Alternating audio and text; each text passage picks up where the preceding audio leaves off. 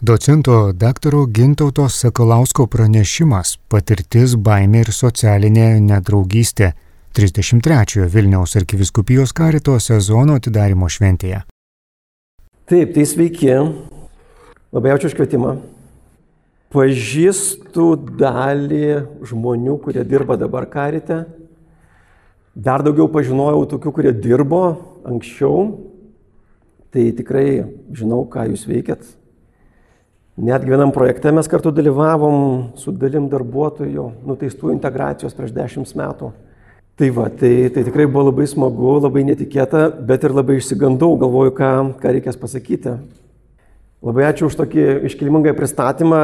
Tik dar noriu pasakyti, kad be to, kad esu teisininkas ir kriminologas, esu Vilniaus palaiminto Jurgio Matulaičio parapijos ilgametis jaunuolis. Ten praleidęs daug laiko, nuo 12 klasės iki, iki, iki jau ir, ir darbo laikmečio. Taip pat esu Matulaičio socialinio centro vienas iš steigėjų, tai kitaip tariant, kad nepagalvotumėt, kad aš čia taip tiesiai iš universiteto ir atėjau. Tas kelias buvo dar ir su kitais dalykais susijęs, įskaitant ir, ir tą tokią krikščionišką perspektyvą. Labai apsidžiaugiau mišiuose šiandien matydamas kunigą Virginijų Česnulevičių, jis, kai aš tuo metu buvau studentas Matulaitai, buvo diakonas Ir iš jo išmokau labai daug tokių grinai tokios praktikos, praktinės krikščionybės elementų, kur, nu, tiesiog tokio vat, buvimo kartu mes labai daug praleidom. Ir naktų, ir, ir dienų, ir kelionėse buvom. Tai va, tai kontekstas toksai. Patirtis baimė ir socialinė nedraugystė, tas ne skliausteliuose.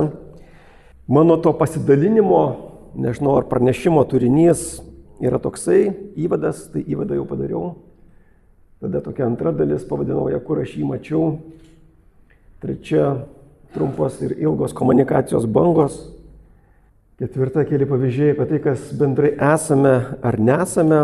Ir galiausiai tas diskusinis klausimas, kuris bus jau po viso pranešimo. Aš kai žinau, kad man reikės kažką viešai kalbėti ir žinau, kad tai bus labai svarbu, ką aš norėsiu pasakyti, aš labai jaudinuosi. Ir tikrai galvoju daug apie tai, tai kelia tokį nerimą, aš bandau konstruoti tą pranešimo struktūrą, kažkokią pagrindinę idėją. Ir kai sesuo Julita pakvietė, aš kažkaip galvoju, nes jinai man pasakė, ką jinai yra skaičiusi, ką aš esu parašęs ir girdėjusi, supratau maždaug apie ką, bet niekaip tos idėjos kažkaip negalėjau sukoncentruoti. Ir man tada tai būna, kad aš kiekvieną laisvą minutę važiuoju automobiliu ir galvoju, nu gerai, dabar kaip viskas bus, ką reikės pasakyti, vat, nu, kokia yra idėja, koks būtų siužetas, scenarius ar ne kokios esminės mintis ir panašiai. Tai mano žmona, psichoterapeutė, sako, kad tu tiesiog esi narcizas. Sako, čia yra narciziškumas, kai tu va taip labai apie save galvoji, bet sako labai lengva forma, tai tu per daug nepergyvenk. Ir dar be to sako, greičiausiai, kai buvai vaikas, tai iš savo tėvo per mažai dėmesio gaudavai.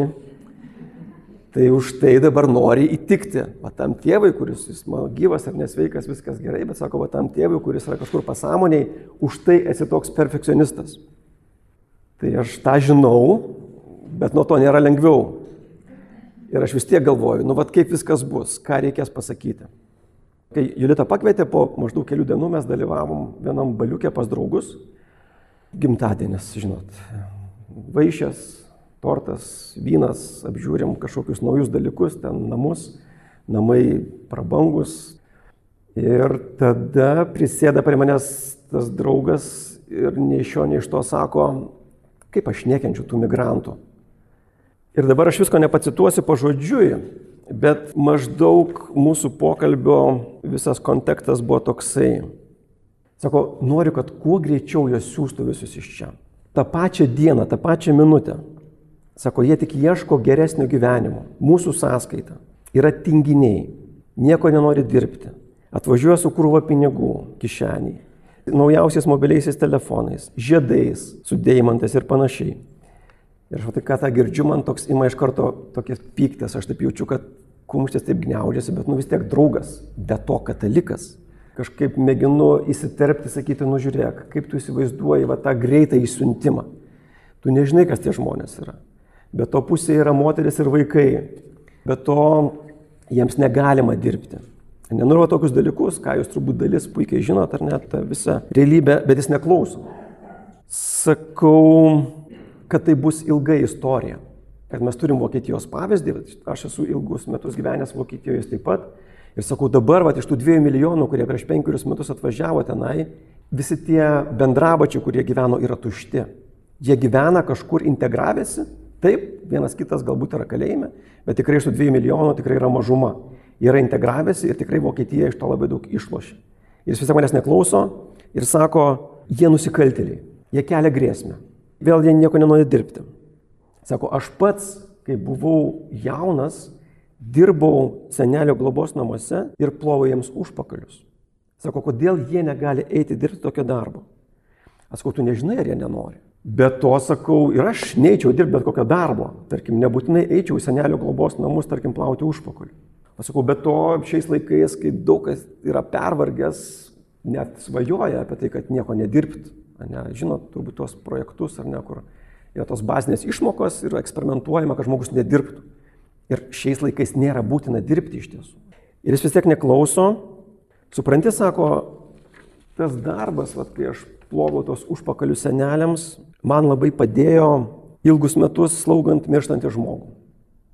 Ir va tada aš supratau, kad va čia yra idėja mano pranešimo. Ne, kad galiausiai jisai pasakė, apie ką eina kalba. Kalba eina ne apie migrantus, ne apie nusikaltelius, kalba eina apie jo paties patirtį. Ir galiausiai sako, gintai sako, suprask, aš bijau, nes aš nenoriu prarasti savo artimųjų, aš nenoriu, kad jiems kas nors nutiktų ir panašiai. Ir va čia buvo esmė.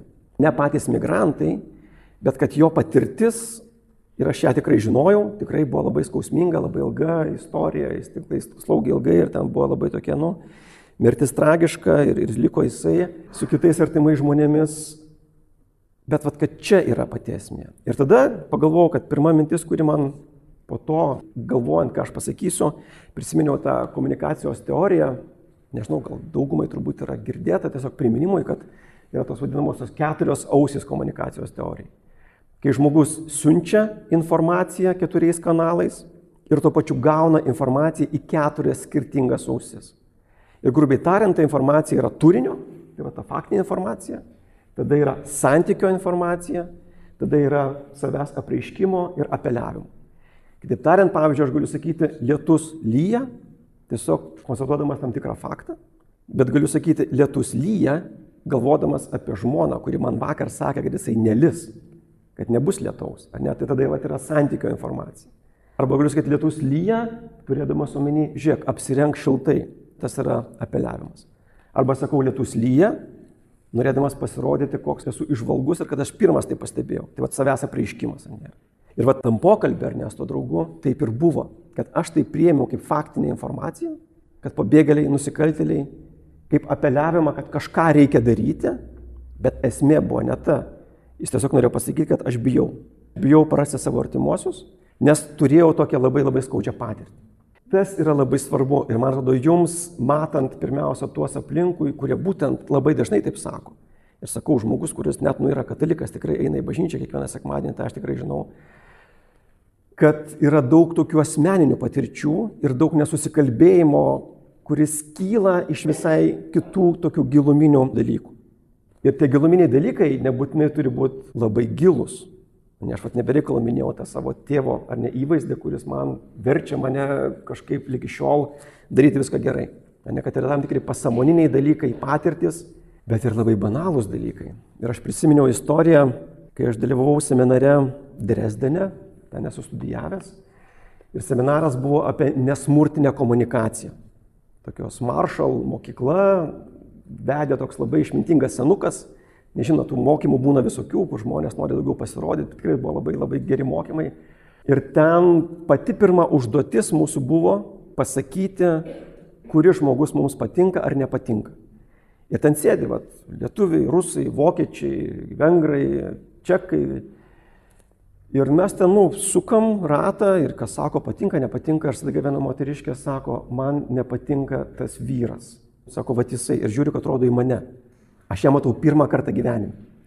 Pirmą kartą gyvenime. Jis yra vokietė Ir turbūt dauguma mūsų turi tokį, nu, gerą įspūdį apie save. Bent jau aš taip apie save galvoju, kad esu toks, nu, gana mielas, toks simpatiškas kažkaip, nu, nebent būna žmonės, kurie jau labai ant savęs supyksta, tai tada ne, bet, nu, mesgi dauguma.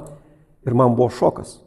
Sako, netgi jo šypsena man nepatinka, nes aš taip mėginau šypsotis.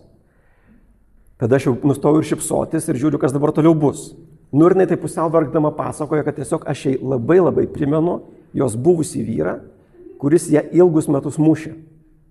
Mušė ir po to jis įsiskyrė labai sausmingai, sako, nu ir sako, tai kaip jūs atrodot, kaip jūs šypsotės, esat grinai tipiškas jisai. Jis buvo vokietis, aš esu lietuvis, ne tai, nu žodžiu, kas nutiktų, pavyzdžiui, jeigu ta moteris būtų iš toj saliai, tai turbūt prie manęs net neprieitų. Bet po to mes pasikalbėjom apie pertrauką, visą kitą įsiaiškinom. Tai va, tai yra pavyzdys, kaip atrodytų netgi ne kažkokie pasamoniniai dalykai, labai gilus, bet paprasčiausia išvaizda gali sukurti komunikacijos trikdį tam tikrą. Kai žmogus, pavyzdžiui, vien dėl to, kad yra tamsaus gymio, pavyzdžiui, ir panašiai. Tai va čia, kur, man atrodo, tie dalykai svarbus yra mėginant pamatyti tą matricą, kur yra už tos tokios transparencijos, už tam tikros komunikacijos. Ir čia nieko kito geresnio, kaip šitos frazės paskutinius kelius metus nesugirdėjęs Robinas Viljamas, ne, kiekvienas kurį tu sutinki, kovoja mūšį, apie kurį tu neturi žalio supratimo. Sako, be kind, tas kind čia šiuo atveju, sakyčiau, turbūt reikėtų versti kaip būk maloniai atidus visada. Aš tą frazę tik neseniai sužinau, kad čia yra jo frazė, bent jau priskiria didžioji dalis jam tą frazę, bet ją sužinojau daug anksčiau iš tokio filmo apie norvegų paauglius. Skam yra toks labai geras filmas apie norvegų paauglius, serialas kur labai gražiai rodo paauglių tą sudėtingą situaciją, kaip jie gyvena, kaip jie turi spręsti seksualumo problemas, tikėjimo, suaugusių veidmainystės, priklausomybė ir panašiai. Tam filme tokia yra Nora, kuri yra tą frazę pasikabinus, tai iš ten aš žinojau. Ir taip neseniai supratau, nu, radau, kad yra Robinas Viljamas. Matytas turbūt aktorius, Oskaro laimėtojas, septynių aukso gaublių laimėtojas, kuris galiausiai nusižudė. Ir tai jo vaidmenės visi tokias esat matę, tokia yra labai tokio gero, išmintingo žmogaus.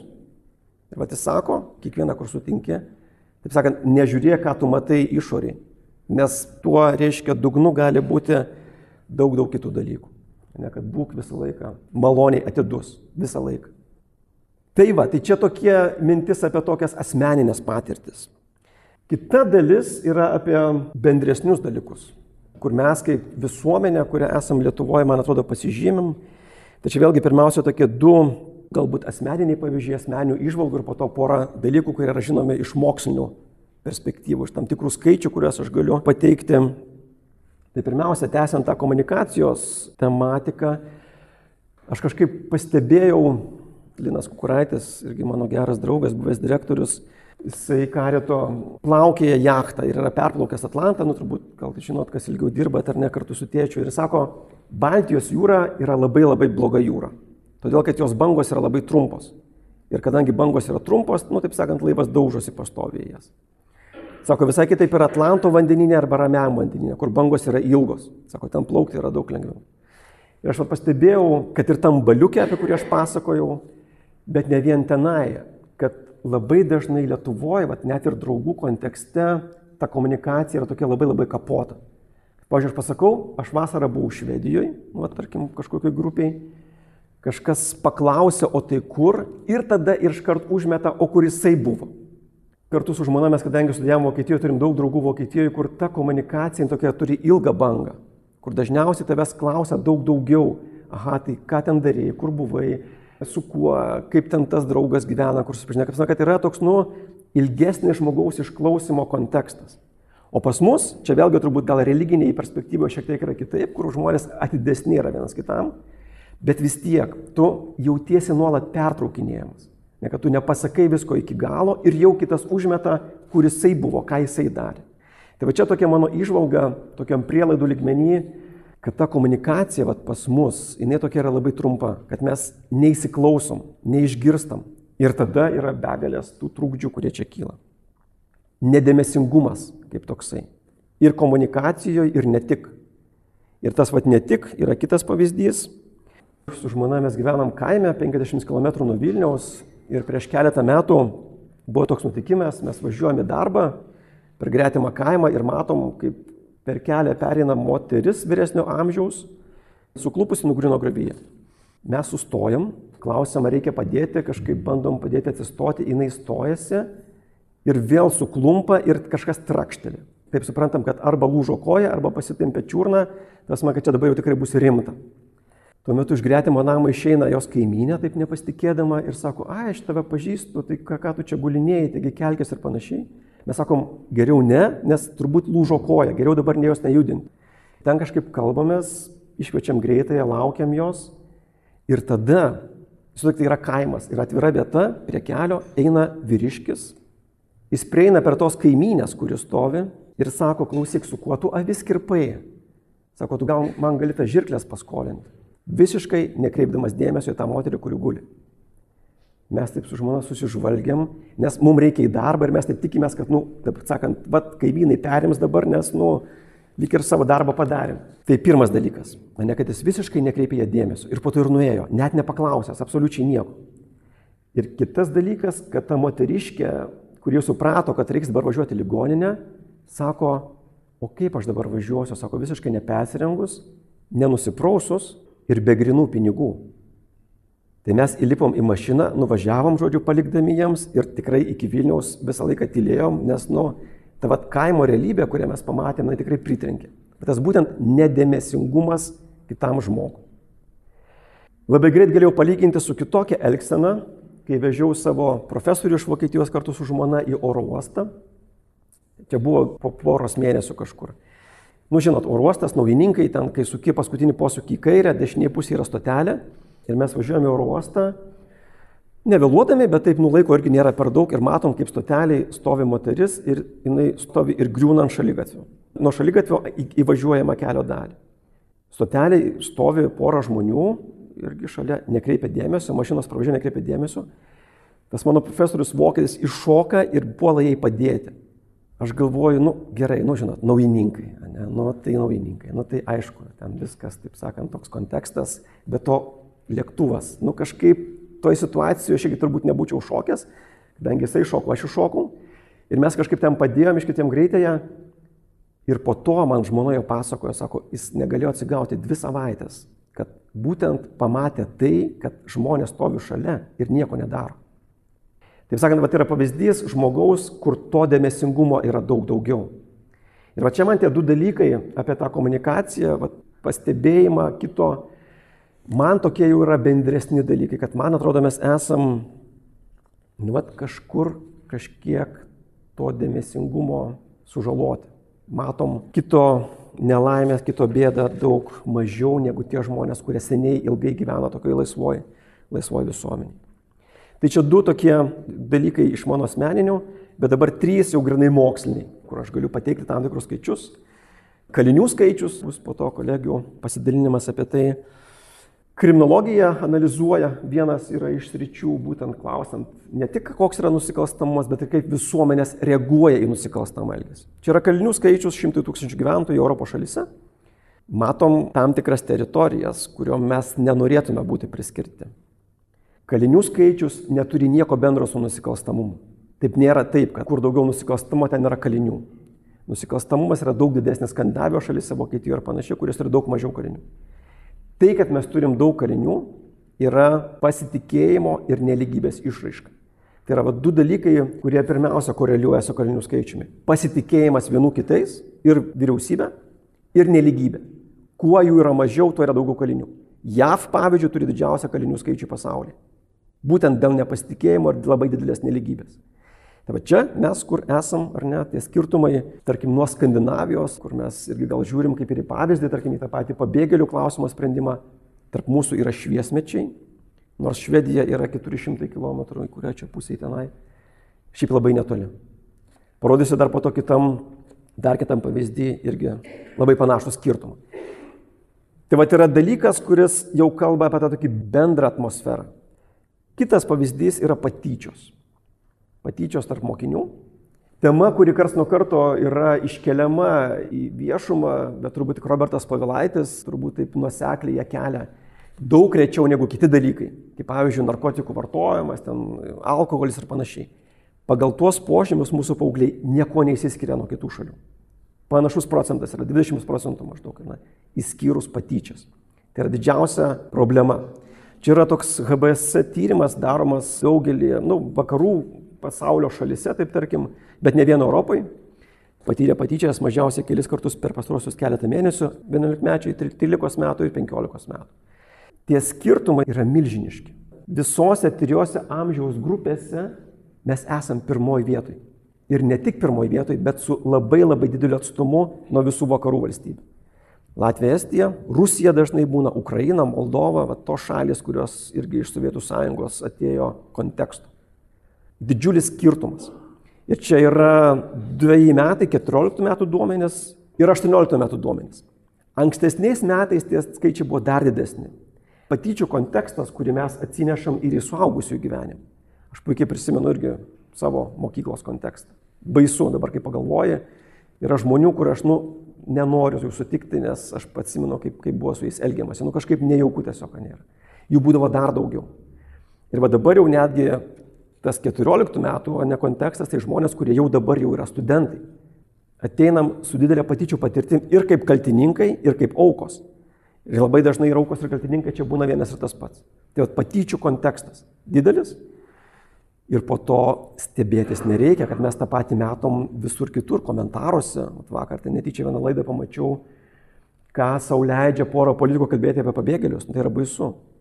Patyčių kontekstas labai ilgas, kuris ateina ir iš šio laikinė mūsų gyvenimą. Ir paskutinis pavyzdys yra toks daromas vertybių tyrimas, kur bandoma pagal įvairius klausimus išskirti tokias iš principo dvi ašis. Tai pirmiausia, va šita ašis yra tradicinės vertybės ir pasaulietinės vertybės. Čia pagal šalis galima šiek tiek atsirinkti. Tai ir Afrikos šalis, ir tos islamo šalis, kur, nu, žodžiu, karta iš kartų šimtmečiais gyvena taip, kaip gyveno ankstesnės kartos. Kur labai svarbu yra šeima, tėvo vaidmuo, moterų irgi vieta tam tikra, kur vaikai turi paklusti, kur nu, visos tradicijos yra, reiškia, iš metų iš metais yra tokios pačios jau daug, daug šimtų metų.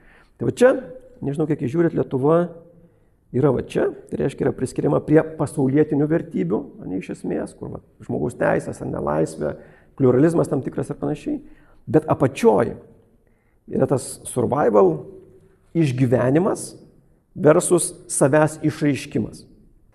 Išgyvenimo yra klausimai ten susiję, pavyzdžiui, su tokiu ekonominiu saugumu.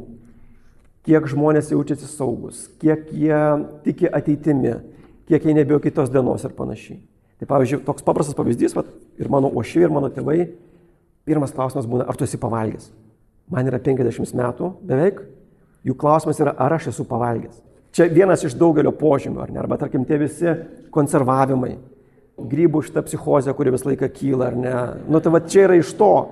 Tasme, vokiečiai nesupranta, kodėl, kam reikia tų grybų tiek, ar ne, bet čia yra iš to, kad tu jautiesi labai nesaugus. Tai va čia visiškai kitoj pusėje yra vat, būtent tos mūsų šalis, kurios kitaip žiūri į socialiai silpniausius žmonės. Ir va tą reikia taip pat matyti.